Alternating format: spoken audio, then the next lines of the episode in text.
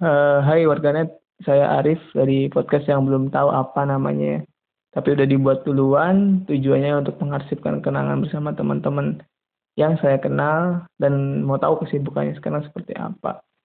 Ya karena intinya sih sebelum saya canggung dan bingung gimana cara ngubungin mereka dan mau bahas apa lagi kalau misalkan udah umur 30 40-an kan bingung nanti bahas apa sama mereka atau bisa jadi ke les kontrak dan sebagainya. Nah, sekarang saya lagi sama Iqbal.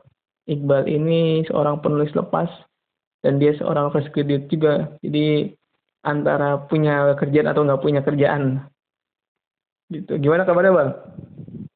Alhamdulillah ini Mas baik, sangat baik. Cuma situasi corona kayak gini mungkin sedikit membatasi ruang gerak sih Mas. Oh gitu.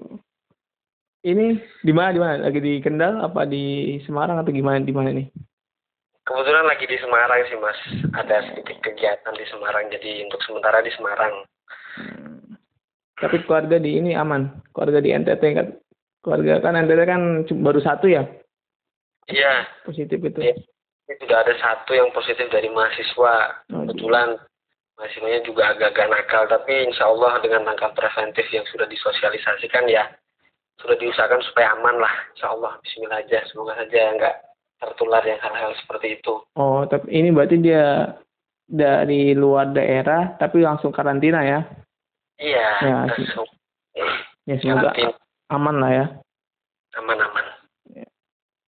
Ini udah di bridging tadi ya sebelumnya kalau Iqbal ini seorang fresh graduate dan fresh graduate dan juga seorang penulis lepas di dua media online setahu saya ya. Pertama itu Mojok, kedua itu Detik setahuku setahuku tapi nggak tahu kamu kan lebih lebih paham dengan dirimu sendiri. Dan saya cuma mau korek sedikit. Gimana sih bang caranya bang? Bisa lolos ke Mojok. Mojok kan itu Mojok.co ya. Itu kan banyak orang yang berkata mahasiswa mahasiswa fresh graduate fresh graduate itu susah sekali lolos ke Mojok. Begitu juga detik. Gimana sih tips dan triknya bang? Ya mungkin sebenarnya uh, keberuntungan sih mas. Karena masa-masa nganggur kayak gini kan uh, banyak pikiran-pikiran yang lari ke mana-mana dan butuh pelampiasan. Dan kebetulan ada wadah yang istilahnya memberikan fasilitas itulah fasilitas untuk curcol dengan gaya-gaya yang lebih santai. Jadi sebenarnya saya cuma memanfaatkan fasilitas yang ada sih mas. Cuma agak sedikit usaha untuk mendapatkan fasilitas itu karena ada seleksinya juga kan. Oh, iya, betul. itu kan. Seperti itu sih mas. Itu kan kalau ya. mau jok mungkin agak ke arah situ ya. E, apa namanya gaya nah, gaya tulisannya lah ke arah curcol dan sebagainya dan lucu lucu dan lucu lucu walaupun ya, enak dibaca juga. Nah kalau detik kan agak beda tuh.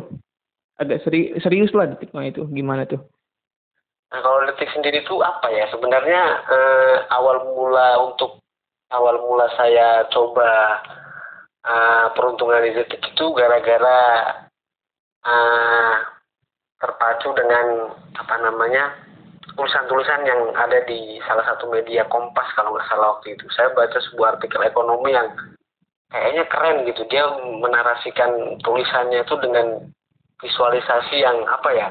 Seperti sebuah cerita gitu. Hmm. Jadi saya coba di detik dan kebetulan waktu itu langsung percobaan ketiga sih itu sebenarnya. Dan itu waktu hari buruh juga saya kirim itu dan ternyata alhamdulillah lolos itu itu tulisan pertama saya. Hmm. Tapi eh, gara-gara euforia sesaat itu jadi senang kan mas. Yeah. Itu kan kan jadi kayak setelah itu tuh berhenti gitu karena terlalu terlalu apa ya terlalu euforia dengan masuknya tulisan ke media online.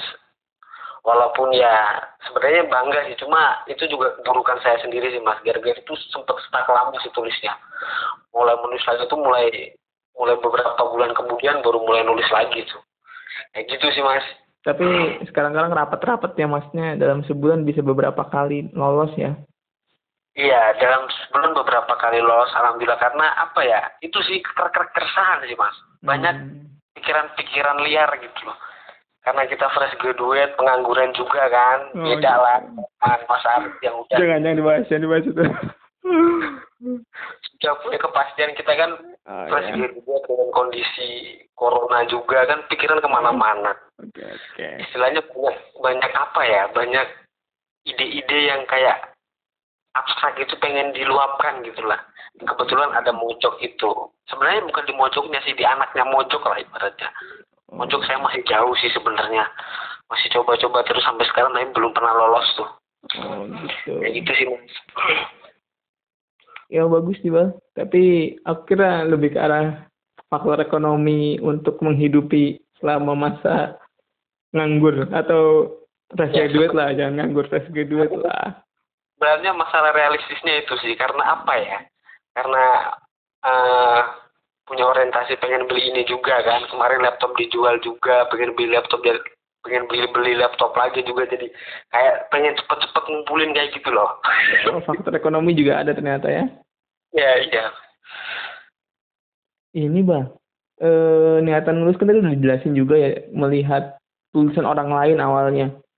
Nah, Mm-mm. Kan itu juga tulisan yang masuk ke media itu salah satu targetku pribadi. Mungkin karena saya kurang baca atau kurang pandai menulis atau alias malas-malasan saat kuliah jadi targetku itu nggak tercapai. Nah selain dari ini eh melihat tulisan orang lain di Kompas, ada faktor lain nggak sih bang? Berarti melihat tulisan orang lain ekonomi dan ada ada pengen show off maksudnya kan kalau masuk mojok.co kan kayak orangnya jadi famous terus atau lebih kelihatan keren lah kalau di mata mahasiswa-mahasiswa yang kritis Motif kayak lain. kamu gitu. Iya, motif lain mungkin. motif lainnya itu apa ya Eh, kayak menurutku tuh kan sebenarnya eh, dasar pribadi ataupun eh, karakter pribadi itu kan sebenarnya susah, susah untuk ngomong sih mas susah susah untuk istilahnya kita berargumen gitu jadi menulis itu tuh salah satu sarana yang paling enak menurut saya karena menulis itu kita bisa menuliskan argumen secara runtut secara sistematis karena jujur kalau seandainya disuruh berargumen gitu kan, suruh ngomongin masalah tertentu, ekonomi misalnya, saya kebanyakan anunya apa namanya eh banyak belibetnya lah. Lebih enak melalui tulisan saya daripada Hmm. melalui argumen ataupun melalui lisan. Oh, Seperti itu sih mas sebenarnya. Oh, berjuang lewat tulisan ya. Ya kritik yang baik itu yang punya seni tinggi itu menurut saya melalui tulisan. Oke, yoi. Keren banget ya Anda. Ini, terus gini Bang. Eh, kamu kan bilang tadi ketiga ya. Maksudnya baru ngirim ketiga kali udah tembus. Maksudnya menurutku itu tiga kali itu angka yang tidak terlalu banyak dan berarti memang kualitas tulisanmu cukup baik. Nah, yang pertama dan kedua kan gak lolos. Kamu nggak langsung nyerah, yang ketiga lolos. Menurutmu itu prosesnya butuh perjuangan nggak sih? Atau pas kamu coba nulis itu belum belum lolos tuh langsung down banget? Soalnya pengalamanku ya, dulu waktu nulis di satu lomba, itu pertama kali saya lomba tulisan ya, dan nggak lolos tuh kayaknya sedih banget. Ya walaupun lomba-lomba berikutnya ada beberapa yang lolos walaupun nggak juara ya. Nah itu kamu gimana tuh ngadepinnya? eh kesedihan nggak lolos tulisan apalagi kayaknya kamu suka banget nulis kayaknya ya. Sebenarnya kalau memang kalau untuk khusus yang di detik itu baru nyoba yang eh, tulisan yang keempat baru lolos ketiga kali nyoba yang keempat baru lolos. Tapi kalau yang di mojok itu mojok.co-nya aja itu udah tujuh kali tuh mas. Oh, banyak ya. Terminal mojok itu tuh saya percobaan keempat itu baru bisa lolos. Hmm. Untuk supaya apa ya? Sebenarnya saya punya itu sebenarnya media pelampiasan sih karena dulu waktu awal-awal apa namanya eh, awal-awal eh, jadi mahasiswa itu kan kayak ngerasa teman-teman yang di organisasi-organisasi UKM itu kan punya karya-karya sendiri kan. Hmm. KTI misalnya punya karya tulis ilmiah ikut lomba sana sini kan jadi kayak Hmm. mindernya di situ gitu jadi pengen kayak aku pengen punya eksistensi di bidang tulisan yang istilahnya nggak terlalu bagus seperti karya tulis ilmiah lah Ya. tapi ada di eh, karya ada karya di bagian tulis menulis tapi yang lebih ke karya-karya populer artikel-artikel populer itu saya nyobanya di situ terus terus terusan karena karena apa namanya perasaan ini merasa bahwa uh, skillnya cuma di situ gitu loh mas. Hmm. eh, skill saya tuh kayak cuma yang bisa diekspor tuh kayaknya cuma itu deh sekarang. Kayak gitu loh. Tapi menghasilkan juga kan? Iya sih menghasilkan. Cuma ya awal awalnya begitulah. Hmm. tapi kalau nih buat teman-teman pendengar nih sebenarnya kita itu satu organisasi saya dan Iqbal satu organisasi cuma bedanya saya itu cuma lolos uh, artikelku di tingkat regional atau provinsi lah kalau bahasa umumnya Nah kalau Iqbal itu tingkatnya nasional, dia tuh sampai bisa terbang ke Padang ya kamu ya? Eh Padang, eh, Medan, Medan ya Medan ya? Ya beda sama Medan. Yang juara kan juga regional.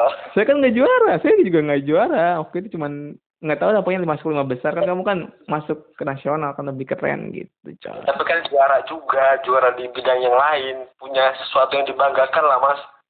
Beda dengan yang beda dengan saya lah kamu, kamu, kamu kan lagi lagi viral-viralnya nih maksudnya di ya, di antara teman-teman kan, wih Iqbal salah satu yang pionir lah lulusnya lolos ke ini ke media online gitu kan. Eh, kamu berarti punya blog juga bang? Sebenarnya itu sudah punya mas, cuma saya lupa itu. Oh Udah karena lama. karena udah malas nulis yang gratisan, jadi maunya nulisnya yang bayar berbayar terus ya? Ya sebenarnya rencananya mau bikin lagi mas. Mau bikin oh, blog gitu. blog sendiri lagi. Mau oh, bikin gitu. ulang. Kalau nggak blog WordPress lah. Yang istilahnya di situ tuh tulisan-tulisannya tulisan-tulisan yang lebih serius ataupun tulisan-tulisan yang uh, modelnya itu kayak refleksi diri lah. Yo ini bijak banget ya setelah lulusan anda. Ini nih keresahan lu ya banyak keresahan ya setelah setelah jadi lulus mana bukannya aku bebas setelah lulus ternyata makin pusing setelah lulus. Iya pusing lu tuntutan banyak aduh. Eh ini bang eh, artikel-artikel yang saya baca kalau di di Mojok ya khususnya itu tentang deket keresahannya dengan dirimu sendiri. Maksudnya karyamu itu dari keresahanmu. Nah kadang nih yang saya nggak nggak dapat itu ketika nulis tuh kadang keresahan-keresahan yang di, dekat tuh kayaknya nggak aku tangkep jadi karya kayak gitu. Terus contohnya nih kayak punyamu itu yang hadi buruh itu kayaknya itu deket sebenarnya sama saya cuman saya tuh nggak nangkep keresahan itu dan jadi karya. Beda sama kamu. Kamu nangkep keresahan jadi karya. Gimana tuh caranya bang? Aduh, ini pertanyaan yang ibaratnya harusnya ditujukan ke dosen Enggak lah, ini kan kamu kan udah udah kebiasaan nulis dari keresahan deket kamu atau keresahan pribadimu jadi tulisan kayak gitu. Mungkin karena sisi emosional aku tinggi ya mas, melankolis ya kata orang kan melankolis dan lain-lain itu kan. Jadi mulainya pakai apa ya? Pakai emosi dulu gitu loh. Emosi terus kok kayak gini kok, kok, kok, seperti ini sih nasibnya gitu. Kadang ngeliat hal-hal yang kecil aja tuh kayak udah mulai emosi dan mencari pendukung-pendukung melalui teori-teori yang ada misalnya. Jadi sebenarnya tuh kalau saya sendiri ketika membuat tulisan entah itu keresahan-keresahan receh sekalipun pasti pakai emosi gitu. Misalkan kemarin-kemarin saya nulis soal uh, bandos misalnya, kue bandos itu kan, yeah. uh, istilahnya di situ saya cuma ingin mengekspor bagaimana orang-orang itu lupa tentang hakikat menikmati sebuah jajanan kan. Yeah, betul. Jajanan sebenarnya untuk ya sekedar untuk apa namanya uh, ganjil perut kini sudah berubah menjadi beralih ke pola makan yang uh, menuju ketamakan misalnya kayak gitu. Jadi hmm. hal, hal yang seperti itu sih. Hal yang re, hal yang receh terus keresahan-keresahan receh saya saya coba uh, ambil sisi emosionalnya itu di mana sih? Terus setelah itu saya dukung dengan teori-teori. Walaupun kadang teori-teorinya agak cocok logi misalnya kalau di Mojok ya aku di Mojok ya. Kalau di tulisan-tulisan yang lebih analitis seperti di Detik, biasanya didukung dengan teori-teori jurnal dan lain-lain. Prosesnya mungkin akan lebih sedikit lebih lama gitu.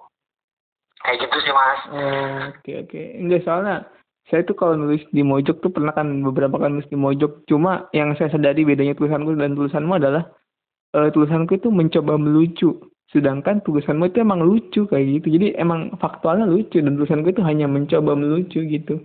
Beda dengan kamu gitu. Jadi lucunya natural aja kayak gitu. Keren sih menurutku. Ini nih sebenarnya ini gara-gara sampai baca tulisannya. Terus sekalian bayangin wajah saya mas. Betul. Saya tuh kalau membaca tulisan orang tuh pasti bayangin uh, kondisinya seperti apa. Karena terbayangkan kayak gitu lucu ya. Apalagi yang yang Arab ya muka Arab itu tuh lucu banget sumpah. Itu setiap per, per ini kalimat per kalimat tuh kayak di kayak curhat gitu kayak bukan ya kayak kayak gimana ya kayak curhat kayak Iqbal banget gitu yang dialami setiap hari kayak gitu. Ada yang saya sesalin dari tulisan di pojok itu kayaknya kok semuanya curhat semua gitu loh. Aduh. Tapi keren keren keren. Aduh mencoba untuk sekarang mencoba untuk beralih ke yang tulisan-tulisan agak serius lagi sih mas. Oke siap siap. Eh ngomong-ngomong nih kan gaya tulisan di mojok sama di detik kan jauh berbeda ya. Mojok itu sangat serius eh sorry sorry detik itu sangat serius mojok itu biasanya kamu guyon-guyonan lah tulisan guyon-guyon lucu-lucuan tapi ada hal yang bisa diambil di situ. Nah kalau ibarat kata pendekar itu biasanya pendekar tuh punya satu jurus andalan. Nah kamu itu punya dua. Gimana caranya itu bah? Kamu bisa jadi serius banget bisa jadi komedi banget lucu banget kayak gitu di tulisan yang berbeda di, di dua dua media yang berbeda. Gimana tuh bah? Sebenarnya apa ya? Sebenarnya karena kejenuh apa namanya menghindari kejenuhan di tulisan-tulisan serius sih mas. Saya takutnya ketika saya nulis serius-serius terus saya kehilangan apa ya saya takutnya ketika saya mencoba memaksa tulisan-tulisan yang selalu serius-serius-serius ya sebenarnya bagus sih karena itu identitas seorang penulis kan dia gayanya di situ misalnya hmm. cuma saya takutnya ketika saya belum punya pondasi kuat dalam karakter menulis ya terus saya coba terus menulis-menulis yang bertema serius atau analitis terus saya takutnya saya jenuh di situ dan tulisan saya kehilangan warna. Jadi saya beralih ke tulisan yang agak-agak satir itu tujuannya supaya saya tidak apa namanya tidak jenuh dengan aktivitas menulis dan tetap terus melanjutkan tulisan saya walaupun dengan gaya yang berbeda. Seperti itu sih mas sebenarnya. Oh berarti uh, dua tulisan berbeda ini berawal dari kejenuhan ya? Iya sebenarnya kejenuhan sih mas karena saya lihat tulisan-tulisan yang serius itu tuh buat apa nulis yang serius-serius tapi nggak dibaca orang kadang mikirnya juga kayak gitu.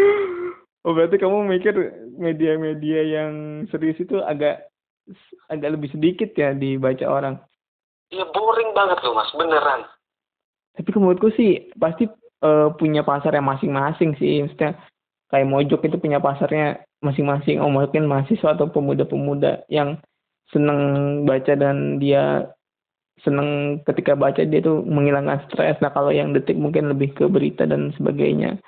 Begitu juga di Tirto ya. Tirto waktu saya ikut pelatihan 2017 atau 2018 gitu. Tirto itu buat pelatihan dan dia itu salah satu media atau bahkan media Indonesia media di Indonesia ya bukan media Indonesia media di Indonesia yang punya watching time maksudnya waktu membaca yang lebih lama dibandingkan media-media lain dan mereka bangga mereka bangga mungkin atau mereka bangga dengan hal tersebut. Kalau misalkan kita bandingkan ya masa kliknya mungkin jauh sama detik atau jauh sama mojok mungkin karena pasarnya berbeda tapi dia bangga karena yang bacanya itu lama loh di di Tirta itu karena tulisannya panjang dan mendalam gitu biasanya. Bener, iya sih kadang mikirnya juga gitu sih. Cuma apa ya, ya itu sih kembali ke situ sih. Jadi emang kadang apa namanya tulisan apa uh, portal-portal seperti Tirto itu kan dia menghadirkan tulisan-tulisan yang menarik pembacanya itu supaya setia lah dengan gaya tulisannya dia kan. Iya betul. Sementara kalau tulisan-tulisan soalnya menurut saya sendiri tulisan-tulisan saya yang di detik itu kurang-kurang apa ya? Analisisnya juga kurang mendalam juga sebenarnya itu kayak tulisan-tulisan masih masih ngambang sebenarnya. Hmm. Saya lebih bangga di tulisan-tulisan saya di mojok daripada oh, di gitu. Detik. Karena tajam banget, sumpah tajam banget di mojok itu sumpah maksudnya eh, satirnya itu tajam maksudnya bener-bener dari hati pengalaman pribadi kayak gitu kan aduh lucu banget sumpah tapi kamu lebih suka berarti lebih suka yang di mojok bang gaya tulisan kamu yang lucu-lucu di mojok dibandingkan di eh, apa namanya dibandingkan di detik gitu kalau soal sukanya sebenarnya saya lebih suka gaya-gaya yang serius sebenarnya mas. Oh, oke okay, oke. Okay. Tulisan-tulisan yang ya tulisan populer tapi dia sedikit lah bahasa-bahasa satir dan lain dia bener-bener apa namanya tulisan-tulisan yang mudah ditafsirkan orang. Kalau tulisan-tulisan satir itu kan kadang menimbulkan kontroversi itu. Judulnya aja sudah dibuat kontroversi. Iya, iya. hanya dihujat ya apa penulisnya dihujat dan lain-lain itu sebenarnya tuh cuma kadang kan itu cari cari apa namanya suasana baru dengan uh, cara gaya cara mencari gaya tulisan yang lain lah supaya kita tidak apa namanya kapok dalam dunia kepenulisan makanya kalau ditanya mana yang lebih uh, mana yang buat saya lebih prefer menulis itu ya temanya tema-tema yang serius sebenarnya seperti misalkan saya suka baca banget suka sekali baca tulisannya ekonom macam Khatib Basri misalnya yes. di Kompas itu. Ini Faisal Basri juga. Ya Faisal Basri. Oh. Faisal Basri juga. Terus kalau di apa namanya kalau sosok-sosok kalau di apa namanya di detik itu tuh tulisannya siapa namanya lupa aku adalah jadi ada sih tulisan-tulisan serius yang kadang saya suka dan memang saya juga prefer di tulisan-tulisan yang sedikit lebih serius lah. Kalau di Mojok siapa bang? Kamu lebih kalau suka? Di, kalau di Mojok? Iya, tulisannya siapa bang? Mojok itu saya paling suka yang namanya ada dua sih yang saya suka mas. Iya. Punya karakter masing-masing. Kalau Mojok itu pertama kalau soal apa namanya eh, tulisan-tulisan esai yang bernada dialog ataupun bernada, bernada narasi-narasi apa namanya fiktif itu tuh saya suka punyanya Ahmad Gaddafi itu Oh iya. Kalau yang apa namanya dari model-model tulisan-tulisan yang dia analisisnya deskriptif terus dia tuh kayak uh, mengupas apa mengupas sebuah apa namanya konflik ataupun problema lah. Yeah. Itu saya Emma di Patiseno. Hmm. Kan mau denger juga. Dia, ya mohon maaf ya di Mojok itu nggak ada yang fans Chelsea. ya, maaf. oh ya kalau pendengar belum tahu ya kebetulan kita itu walaupun satu kota fansnya bermusuhan. Nah Iqbal itu Arsenal, saya itu fans Chelsea. Nah Arsenal itu sebenarnya ya tahu sendiri lah. Beberapa waktu terakhir kan nggak lebih hebat daripada Chelsea. Jadi jadinya ya membanggakan hal-hal yang di luar di luar itu, di luar persaingan Liga Inggris. Dan dia pasti bilang, nanti tahun depan Arsenal juara pasti itu kata-kata itu terus yang dipakai harapan mas itu target setiap tim iya cuma kan cuma kan nggak nggak terrealisasi. Nunggu tahun depan lagi nunggu tahun depan lagi kan lama bro. Kan pasti terrealisasi tapi entah kapannya. Kita nggak tahu tapi kan mencoba untuk berharap untuk direalisasikan gitu loh. Eh bagus tuh buat tulisan bang. Kamu tuh sebagai fan Arsenal tuh kan sering banget tuh di apa dibully itu. Juga dibully juga selain kamu Arab ya ke Arab Araban ya itu sih banyak yang membuli fans MU juga membuli kok kayaknya pada sirik gitu loh kalau saya kan Arsenal itu memang tidak apa namanya bukan klub yang apa tuh dijadikan pesaing di Liga Inggris, kenapa kalian marah, kenapa kalian benci gitu loh. Itu bukti loh sebenarnya Arsenal itu punya kans untuk mengungguli setiap tim-tim yang ada di Liga Inggris. Itu sudah itu. Punya, punya. Cuma kan beberapa tahun ke depan mungkin. Zaman-zaman kemasan Henry itu udah lewat, Bang. Itu gila itu waktu main, waktu saya lihat waktu Henry itu masih, saya tuh waktu itu masih SD lah kayaknya. Henry itu main kan, gila mainnya. Bagus banget. Tapi sekarang kan Arsenal nggak punya pemain yang kayak gitu dong. Aubameyang lo Aubameyang lo aduh. Kayaknya nggak nggak belum selevel bah oh iya bah gimana bah kalau menurutmu nih eh kita lihat nih orang-orang atau mahasiswa mahasiswa yang pengen nulis saranmu gimana bah buat orang baru orang yang atau orang yang baru mau mulai nulis atau mau belajar nulis itu apa bahasanmu kan kamu kan termasuk yang sedang berproses menulis juga tapi kan kamu udah melewati masa awal. Nah untuk yang baru mau mulai menurutmu gimana bang kalau yang baru mulai itu menurutku saran yang paling apa ya paling realistis itu ya nah, mulai mulai apa namanya kalau benar-benar ya serius itu ya coba mulai baca-baca novel. Baca-baca novel itu menurutku apa namanya uh, gerbang utama supaya kita mengenal diksi-diksi yang diksi-diksi yang apa namanya familiar di sebuah tulisan. Karena di novel itu walaupun dia fiksi tapi dia apa namanya menawarkan uh, diksi-diksi yang kaya di situ. Kita jadi punya banyak referensi kalimat ketika kita melakukan apa ketika kita mencoba menulis. Karena kalau bicara menulis kan kita bicara masalah referensi kosakata kan? Jadi harus harus harus sering membaca. Dan novel itu salah satu cara yang dulu saya lakukan. Karena dulu apa namanya awal-awal apa namanya ketika suka membaca juga dari dulu dicok apa namanya ditanamkan ataupun dipaksa lah sebenarnya.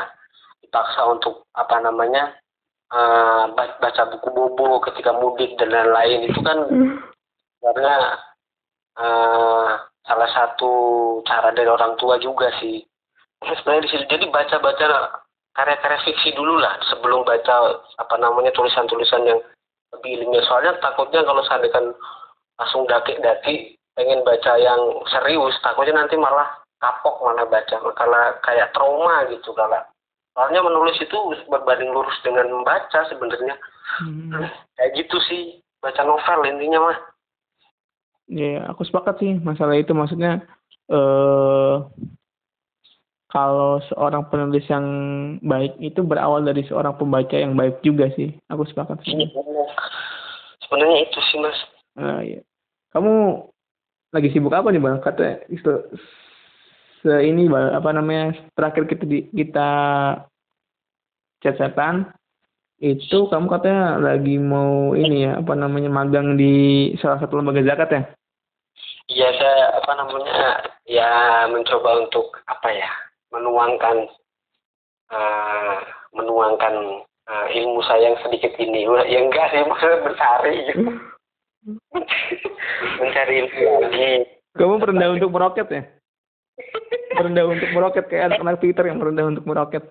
Ya, mencari ilmu lagi di lembaga zakat. Soalnya ya momen Ramadan ini kan ada yang buka apa namanya ada lembaga zakat yang membuka volunteer untuk layanan-layanan dana-dana filantropi. Jadi saya coba daftar ke situ dan kebetulan keterima juga. Jadi ya aktivitas untuk satu bulan ke depan ya berkutat pada apa namanya penghimpunan-penghimpunan dana-dana filantropi di masyarakat gitu sih ya banyak apa namanya sekarang sih fokusnya kita datang ke apa namanya toko-toko masyarakat gitu sih dosen-dosen gitu dan hmm. kita tawarkan produk-produk kita produk-produk dari lembaga zakat yang saya magangi seperti itu sih. Di mana bal? Itu bal kalau boleh tahu lembaga zakat apa bal? Dompet dua apa. Oh dompet dua apa. Oh jadi nih kalau misalkan teman-teman yang dengerin itu dari Semarang dan sekitarnya Jawa Tengah lah ya bisa lah kalau misalkan mau zakat atau infak sedekah lewat dompet duafa ya lewat dompet duafa bisa tuh lembaga lewat. zakat terpercaya banget soalnya apa namanya ketika kita mendonasikan minimal seratus ribu itu kita dikasih faktor wajah loh apa itu faktor wajah faktor jadi kita dibikinkan faktor oh, wajah oke oke oke apa namanya ada feedbacknya itu oh sedekah itu Iya. Hmm. Jadi kita kita dapat feedback itu. Keren, keren, keren, keren, keren. Kalau di tetangga dapat kaos lebar. Dengan namanya yang sama, tahun lalu, dua tahun lalu, dua tahun lalu. Saya promosi tapi nggak enak, udah nggak magang di situ lagi. Beda, beda, beda, beda istana sih. Persis kaos deh. eh bagus, faktor juga bagus kok. Eh, berarti uh, kalau misalkan mau nyumbang for, for, untuk coronavirus juga bisa ya Bal kalau di lembaga zakat itu ya nggak cuma buat zakat infak sedekah doang ya? Ya bisa untuk kegiatan-kegiatan sosial untuk penanggulangan ataupun pengadaan alat pasien untuk APD gitu ya? Terus ya untuk coronavirus itu sangat bisa sekali karena hmm. memang fokus-fokus apa namanya banyak lembaga zakat kan juga disitukan dan juga apa namanya berdua ini kan dia katanya sih kemarin jadi pionir untuk ruangan disinfektan hmm. Di ranah lembaga zakat katanya jadi seperti itu gitu jadi ya uh, mungkin bisa dipercaya lah bisa dipercayai dana dan dana dana dari teman-teman yang mau mendonasikan untuk kegiatan sosial di uh, untuk penanganan uh, virus corona ini di masyarakat gitu sih. Hmm. Berarti kalau misalkan mau zakat imbak sedekah atau misalkan mau galang dana khususnya untuk Jawa Tengah bisa lewat dompet duafa Jawa Tengah atau ngubungin di sosial medianya dia juga ada ya? Dompet duafa Jawa Tengah ada juga ya sosial medianya? Ada tuh. Tinggal di DM aja aktif terus kok. Oh Instagramnya ya? Hmm.